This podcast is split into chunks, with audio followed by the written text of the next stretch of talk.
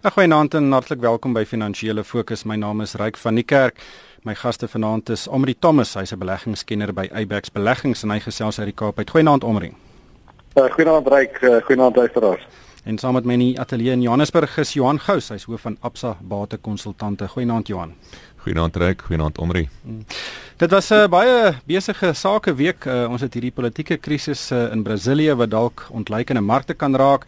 General Motors uh, gaan Suid-Afrika verwelroep. Ehm um, daar's erge aantuigings van ongeruimthede by Eskom en te midde van alles hou die beurs net aan met styg. Ehm um, maar uh, Johan, ek wil graag begin by die Nampo Oesdag. Ehm um, ek was daar uh, hierdie week. Is 'n ongelooflike groot geleentheid. Sommige sê dis die grootste landbouskou in die suidelike halfrond. Ek sal dit glo, dit het my omtrent 10 km ge gevat om reg deur al die stalletjies verby te stap en ek is seker ek het nog 'n klomp gemis ook. Maar ehm um, Johan ek was baie verras met met die houding van boere wat ek daar teëgekom het. Nou ek het met seker met met 'n handvol gepraat. Maar oor die algemeen is hulle baie positief. Ehm um, natuurlik is hulle baie onrustig oor veglustige uitsprake oor grondhervorming en daar's duidelik ook 'n uh, weet 'n uh, baie swak verhouding tussen die kommersiële landbousektor en die regering. Maar ehm um, dit lyk asof boere begin verantwoordelikheid neem oor grondhervorming. Hulle werk saam met swart boere of ontleikende boere om om dinge te maak werk en en ehm um, dit is werklik 'n positiewe houding ehm um, en as ek weet nou nie hoe naby aan die landbou is nie, maar as ek nou kyk na ander uh, bedrywe soos byvoorbeeld die mynbou sektor, lyk dit vir my of die of die houding baie meer positief daar is. Ja, reg, dit is goed om te sien dat daar 'n industrie is wat uh, werklik hande hierso vat en en deur 'n baie moeilike tyd nou gegaan het. Uh, soos jy sê, ek dink die algemene gevoel was dat die sentiment was redelik positief geweest by Nampo. Um, ons ja, jy, jy sê reg, ons praat hier van 600 uitstallers glo wat hulle daarso het en ehm um, dis nou ook die 50ste jaar wat hierdie ehm um, uh, uitstalling gehou word. Ek dink reg, jy weet ons het nou hooplik uh, die ehm um, die die ergste van die droogte gesien en ons kyk nou moontlik na nuwe rekord oeste vir die jaar. So ek dink oor die algemeen is dit al klaar 'n groot positief. Ek dink die uh, kwessie van die grondhervorming sal eintlik 'n baie sensitiewe saak bly vir nog 'n lang tyd. Uh, en ek dink 'n mens moet baie mooi dink oor daai situasie want jy weet die die boere skuld die landbank soos dit ek verstaan iets soos die omgewing van 150 miljard rand uh, wat 'n groot hoeveelheid geld is. So mense kyk nie hierso net na 'n kwessie van voedselsekerheid nie, maar mense kyk ook werklik na 'n potensiële hele impak op die ekonomie as geheel. Ja. Ja, Amri grondhervorming was inderdaad een van die sleuteltemas. Uh, Almal praat daaroor. Ehm um, en en daar's da regtig ek kry die gevoel van die organisasies uh, wat verantwoordelikheid daar wil planne op die tafel kom, proaktief opgetree word. Ehm um, en uh een van die goed wat ook uitgestaan het is dat die die regering besit meer as 4000 titelaktes van plase, maar dit word nie aan opkomende boere oorgedra nie en dan kan hulle nie leen teen daai grond nie en en dit is ook 'n weet 'n handrem op die eh, die spoed waarteen grondhervorming plaasvind. Ab, absoluut reg. Grondhervorming is uh, wel grondbesit is een van die kritiese boustene van 'n suksesvolle uh kredietdryf ook. Ehm uh, as jy nie sekuriteit kan gee nie, dan kan mens ook nie leen nie. So daai 4000 titelaktes wat hierdie regering sit word is is 'n handrem op op ekonomiese groei. Ehm um, natuurlik deesdae baie uh, politieke uitsprake oor ehm um, uh grondverplasing sonder uh behoorlike markverwante kompensasie. Ehm uh, maar ons het baie sterk uh ehm um, ehm um, uh konstitusie wat wat uh, die eiendomsreg baie sterk beskerm. En uh, ek dink dit gaan 'n rukkie vat voordat dit verander. So alhoewel daar baie kommer is oor die politieke politieke uitsprake is grond uh, besit uh, eintlik 'n fundamentele konstitusionele reg in Suid-Afrika. Uh, die toepassing toepassing daarvan is is dalk net ook 'n probleem. As daai houding, ek dink reg deur die hele landbousektor is en nie net die boere wat daar was nie, dink ek uh, kan grondhervorming die hele weet emosie daaromtrent dalk bietjie weet ligter raak oor die volgende jaar of wat. Ja, ek ek wil net uh, noem ek dink dit is baie interessant dat die internasionale monetêre fonds het vroeër vanjaar aangedui hulle gedui dat hulle dink ons ekonomie gaan net met 0.8% groei. Hulle het nou onlangs dit aangepas na 1% toe en die rede een van die groot redes daarvoor was die feit dat hulle baie meer positief is oor die vooruitsigte vir landbou hierdie jaar. Hmm. Omdat net laastens wat uh, wat my ook getref het is hoe uh, tegnologies kundig ons boere is. Jy moet daai goed sien wat daar verkoop word. Daar's uh, sommige stroopers wat vir 8 miljoen rand op 'n spesiale uitverkoping verkoop word en hy het uh, hommeltuie wat uh, kyk hoe lyk die grond ja. en uh, en en weet wat is een van die dinge weet ons boere het regtig so baie om te bied. Um en en ek dink daar's ook 'n gewilligheid om daai kennis te deel. Um ek dink ons moet net die boere kans gee dat hulle hulle eie ding op 'n op 'n manier doen absoluut uh, ryk is uh, Suid-Afrikaanse boere is van die mees gesogste kommoditeite reg oor die wêreld. Ons weet van 'n groot boeregemeenskap in, in Suid-Amerika byvoorbeeld, uh, verder op in Afrika is Suid-Afrikaanse boere baie gewild want want ons ons kan boer. Um, ons het ons ons het goeie boertegnieke en en ons uh, is is, is produktief. So as ons dit kan kan aanwend in Suid-Afrika, uh, voedselsekuriteit is een van die grootste uh, kwessies reg oor die wêreld en uh, Suid-Afrika moet versigtig wees dat hulle nie daai kennis en en en kundigheid as ons het skade aan doen. Hmm. Uh Johan, die beurs, kom ons kyk 'n bietjie wat daar gebeur is 'n baie goeie storie wat ons nou sien sedert die begin van die jaar. Um met veral Naspers aan die stuur. Um nou Tencent natuurlik dis natuurlik sy Chinese belegging. Um het hierdie week uitstekende resultate bekend gemaak. Die Chinese was baie beïndruk daarmee. Eintlik die hele wêreld was baie dan beïndruk daarmee. Naspers se aandeleprys op 'n nuwe rekord hoogtepunt. Uh Naspers se markwaarde is nou 1.2 triljoen rand. Dis meer as die regering se begroting. Ja, reik maar interessant dat uh, net die aandelehouding wat Naspers en Tencent het is is groter as hierdie 1.2 trilljoen rand en dit is hoekom mense voel dat daar 'n diskonto is op die Naspers prys nog steeds al het hy so ver gehardloop en sit hy op 'n prysverdienste verhouding van by die 100 want daardie aandelehouding is omtrent 107 miljard dollar. So dit is baie interessant uh ook natuurlik wat ons gesien het uh, hierdie week waar hulle dalk praat van om dalk hulle van hulle multi-choice Afrika ehm um, belang afstand te doen en ek klink of hulle besig is om met MTN te praat daarso. Uh maar jy weet Naspers het hierdie jaar al gegroei met meer as 30% vir die jaar tot datum. Jy weet dit is ongelooflik en ek dink mense wonder op hierdie stadium wel, weet is dit nou tyd om eintlik maar 'n bietjie winste te neem.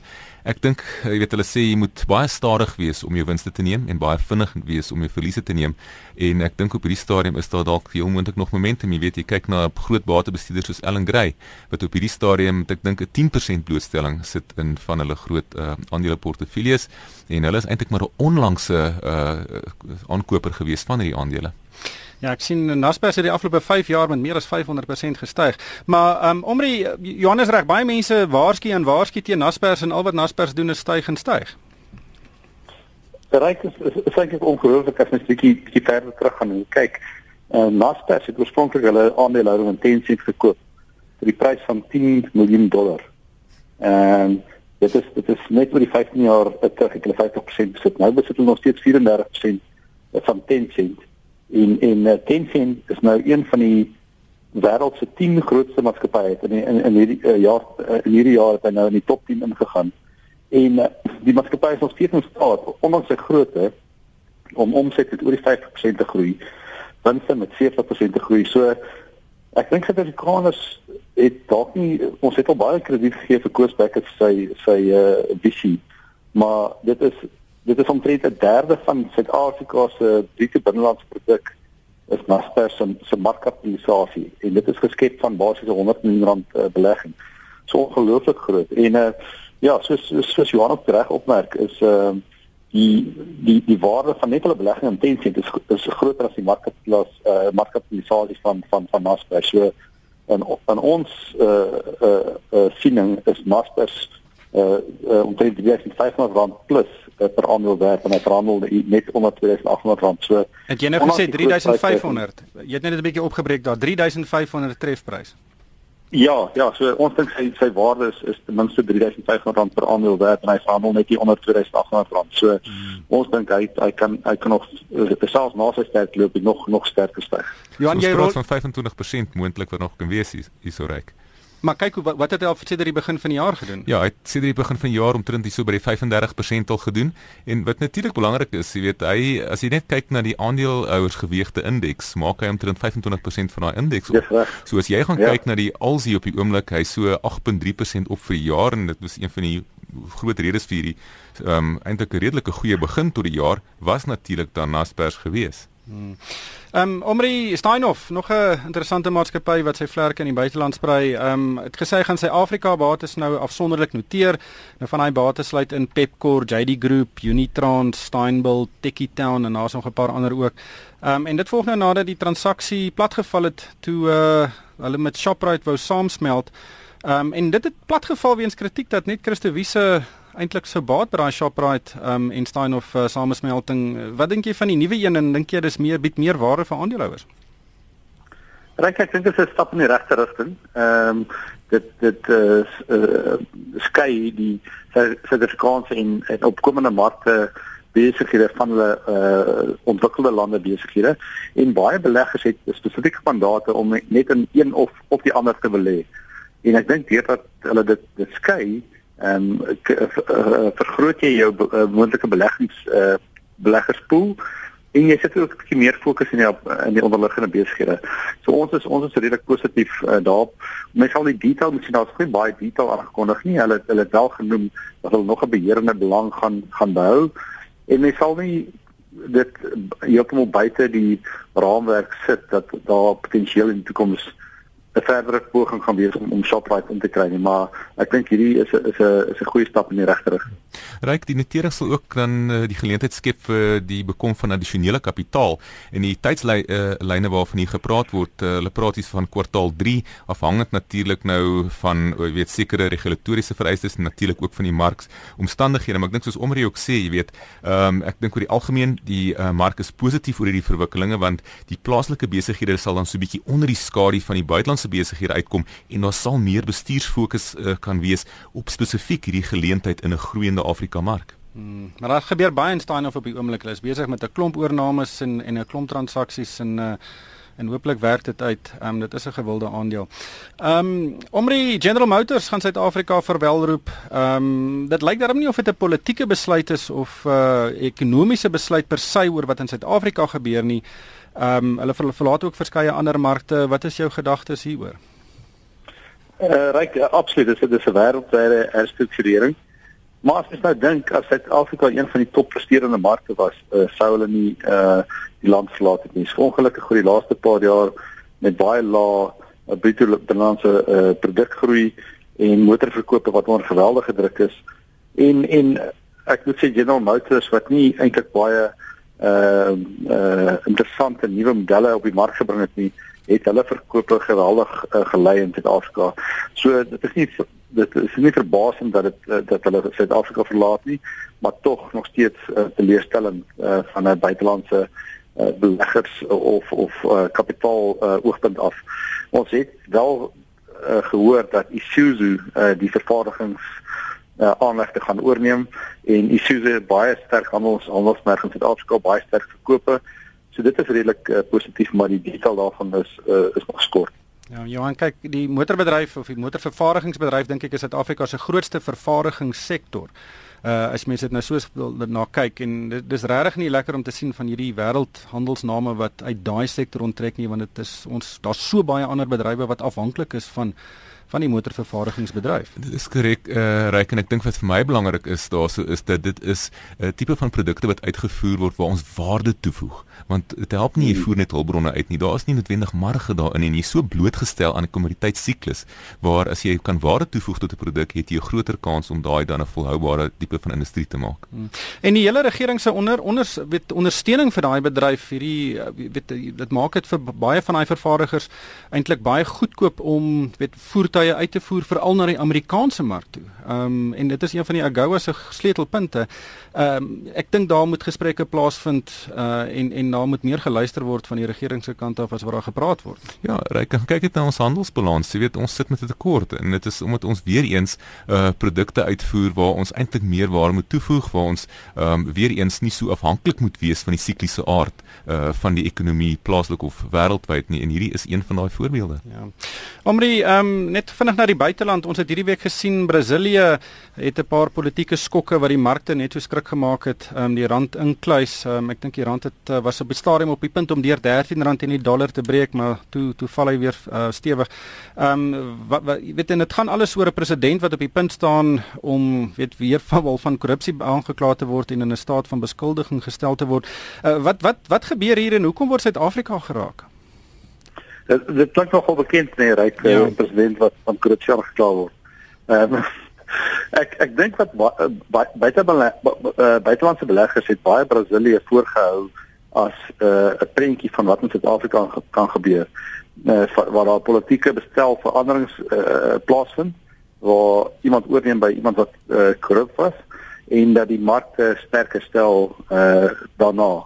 En ek dink met die nuwe aantekeninge teen die, die nuwe president ehm um, het het daai siening 'n uh, bietjie skade gelei en ek ek ek dink dit het ook daartoe gelei dat opkomende markte en ander markte wat wat soos Brasilië gesien word ehm um, bietjie daaronder gelei het. Ehm um, ek dink Suid-Afrika is in 'n beter posisie in in Brasilië in in, in my siening. Ehm um, en as hoef nie noodwendig uh, saam met hulle te gelei het nie, maar ek dink dit het net 'n bietjie 'n skokgolf deur die markte gestuur. Ja, ek weet ons kyk uh, hierso na 'n situasie waar as 'n mens dink aan Suid-Afrika wil jy partykeer negatief raak en hierdie storie van Brasilië gee vir jou so half so 'n bietjie weer perspektief want dit is nou die tweede ja. keer in 'n jaar en 4 maande wat 'n president dalk in 'n staat van beskuldiging geplaas kan word. Uh, as jy gaan kyk na die uh, Brasilië se skuldsituasie in terme van hulle kredietgradering, hulle is klaar afgradeer uh, en hulle sit op 'n BB gradering wat weer eens hierdie week deur Fitch bevestig is, ook met 'n negatiewe uitkyk daarmee saam en hulle praat amper hierso van super rommelstatus vir daardie tipe van effekte. So dit is miskien net weer eens iets om van uh bewus te wees en te probeer vermy soveel of sover as moontlik as wat ons kan, hmm. want uh die feit is dat hierdie Brasiliaanse ekonomie gaan baie baie lank sukkel. Ja, ons het nie 'n monopolie op uh swak leierskap nie. Miskien is dit ook 'n manier om daarna te kyk. Omre net laastens uh jy, jy bly daar in die Weskaap. Dis baie baie droog. Ek het vandag in die koerante gesien daar's weke se water oor. Ehm um, weet ek neem aan dit uh, weet in 'n aanleiding van ons vroeëre gesprek oor Nampo waar waar boere positief is. Ek dink die Wes-Kaapse boere is seker minder positief. Uh, wat is jou indrukke? Wat gebeur daar en en hoe hoe groot is hierdie krisis? Ja, reg, ek wou vir jou vra of jy met Wes-Kaap boere ook gepraat het uh, terwyl jy daar was want want hier in die Wes-Kaap is dit is 'n regtige 'n baie groot krisis. Ehm um, ons is ons is baie naby daaraan om om basies uit uit water uit te haal dit uh, die Kaapstad se munisipaliteit wat nou al klaar vlak 4 waterbeperkings ingestel het. En ek ek dink dit is die risiko is dat ons uh, uh, in die gesig staar. Ehm um, dat daar dalk uh, uh, watersluitings gaan wees vir sekere tye van die dag. Ons het basies effektief 10% se water wat ons uh, nog kan gebruik. Die damme is 20% vol, maar daai laaste 10% is dis basies 'n uh, uh, uh, modder en, ja. en dit is baie moeilik om dit om dit te verwerk. So ons het ons het dringend uh, reën nodig in die in, in, in die land en, en, en spesifiek in die Weskaap uh, reg. Net vinnig, is daar ander opsies? Ehm um, weet mense kan nou seker die water ontsout en boorgate boor, maar is daar enige ander opsies waaroor mense gesels? Ryk dit is daar's baie opsies, maar dit is dit is langer termyn opsies. Dit is nie iets wat in die volgende 2 of 3 maande ehm uh, uh, uh uh reg gekry gaan kan word nie. So is die byvoorbeeld die is baie natuurlike fonteine in Kaapstad, wat baie van daai fonteine uh vloei direk in in die see in. Uh ons sit by die see, so daar word gepraat van ontsluitingsprojekte. Dit is baie duur en is 'n lang projek, maar dit is definitief iets wat mense na moet kyk ja. om water watervoorraad meer volhoubaar in, in die Kaap te maak. Die ander ding is natuurlik die watervoorraad het nie baie het nie toegeneem uh sedert die die Franse dam gebou is nie, maar daar was 'n geweldige invloed van nuwe inwoners in die Kaap. So die vraag ja. na water het ook geweldig toegeneem en en dit is die infrastruktuur het nie het nie pas gehou daarmee nie. Wel so, hopelik dit is definitief iets wat in die langer uh, termyn beplan word. Ja, hopelik het ons 'n baie baie nat winter daar. Ongelukkig het die tyd ons ingehaal. Baie dankie aan Amri Thomas van Abex Beleggings en Johan Gous van Absa Waterkonsultante en vir my ryk van die kerk. Dankie vir die saamluister en ek hoop almal het 'n winsgewende week.